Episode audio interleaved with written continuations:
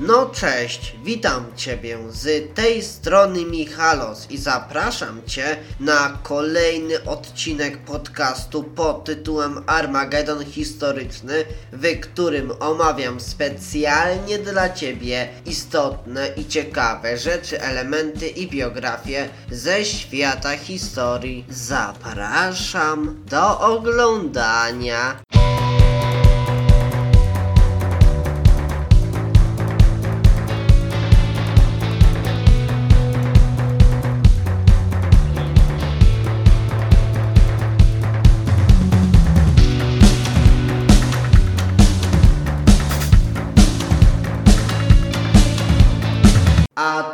Tematem tego odcinka będzie powstanie śląskie.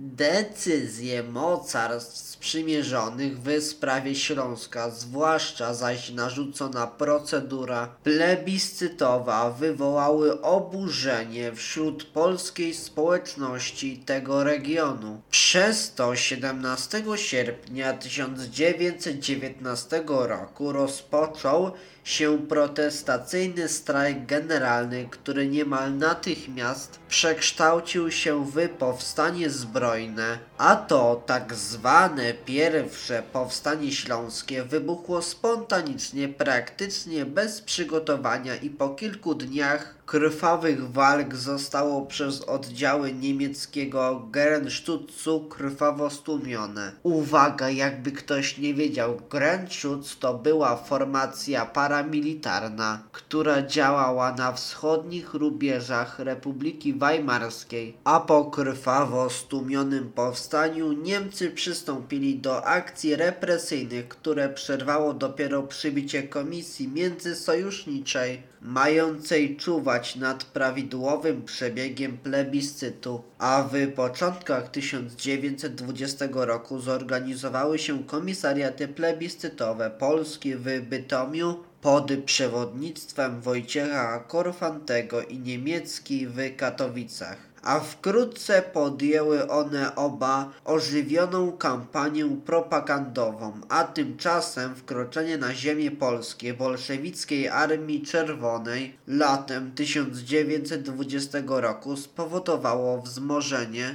na Śląsku antypolskiej akcji komunistycznej wspierającej terrorystyczną działalność urzędującej tu cały czas oficjalnie policji niemieckiej dokonującej zbrojnych napadów na polskie komisariaty plebiscytowe, a ten nasilający się terror doprowadził do wybuchu kolejnego drugiego powstania śląskiego w nocy z 19 na 20 sierpnia 1920 roku. A co ciekawe, powstańcom, którzy tym razem osiągnęli znaczne sukcesy, chodziło przede wszystkim o wycofanie ze Śląska niemieckich formacji policyjnych, a gdy postulat ten został spełniony przez Międzynarodową Komisję Międzysojuszniczą, to akcja powstańcza została wstrzymana, a wygaśnięcie powstania znów zmobilizowało ruch komunistyczny na Śląsku, no bo w Gliwicach 7 października 1920 roku na bazie różnych organizacji komunistycznych polskich i niemieckich powołano do życia niestety komunistyczną partię Górnego Śląska, która zdecydowanie wystąpiła przeciwko przyłączeniu tego regionu do Polski a walkę o zjednoczenie określiła jako ruch nacjonalistyczny sprzeczny z interesami rewolucji i z interesami robotniczymi. Ach, ta propaganda komunistyczna jest zawsze dość kreatywna, jednak jest zawsze zbyt głupia. Chociaż ludzie się na to nabierają. No dobra, ale my nie o tym wracamy do tematu. A w ogłoszonym manifestie komuniści stwierdzili, że utrzymanie Górnego Śląska w granicach Niemiec jest dowodem wzmacniania solidarności robotniczego Śląska z Rosją sowiecką. A co do plebiscytu, Plebiscyt został przeprowadzony 20 marca 1921 roku i zgodnie z przewidywaniami wypadł on dla Polski niekorzystnie.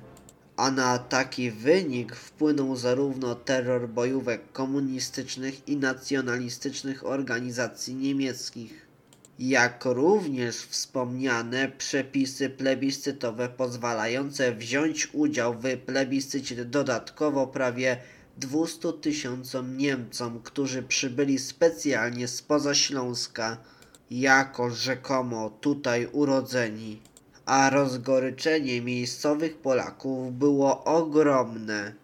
A dnia 2 maja 1921 roku Wojciech Korfanty ogłosił strajk generalny, a w nocy dowódca działającej na Śląsku Polskiej organizacji wojskowej pułkownik Mielżyński wydał rozkaz wszczęcia walk powstańczych a trzecie powstanie śląskie okazało się największe, a ciężkie, krwawe walki, w których straciło życie prawie półtora tysiąca powstańców, trwały prawie dwa miesiące, a kulminacyjnym punktem była bitwa pod górą Świętej Anny a determinacja polskich powstańców zmusiła mocarstwa sprzymierzone do zmiany pierwotnej decyzji i przez to dnia 12 października 1921 roku Liga Narodów podjęła uchwałę o podziale Górnego Śląska.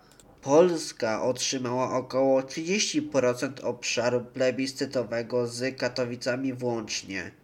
Na obszarze tym mieszkało około 1 milion ludzi, w tym blisko 750 tysięcy Polaków a podobnie jak na Górnym Śląsku plebiscyt przewidziany traktatem wersalskim miał odbyć się także na Warmii, Mazurach i Powiślu. No a sytuację Polaków komplikowała jednak dodatkowo trwająca akurat w momencie plebiscytu, czyli w lipcu 1920 roku, ofensywa Armii Czerwonej na Warszawę a także atmosfera terroru ze strony władz niemieckich miała swój wpływ na wynik plebiscytu, grzebiąc ostatecznie szansę Polaków na zwycięstwo. Niestety ten odcinek dobiega już do końca, więc bardzo Cię proszę o udostępnienie i polecenie tego filmu innym osobom za pomocą Wola na Facebooku czy za pomocą innego narzędzia. A tak w ogóle zachęcam Ciebie do zostawienia łapki w górę i komentarza pod tym filmem oraz do zasubskrybowania mojego kanału YouTube, do zaobserwowania mojego konta na Instagramie o nazwie Michal Michalos, a także do zaobserwowania podcastu pod tytułem Armagedon Historyczny na swojej aplikacji. Z góry dzięki za okazaną pomoc. No dobrze, to do usłyszenia w następnym odcinku. No to cześć, pa.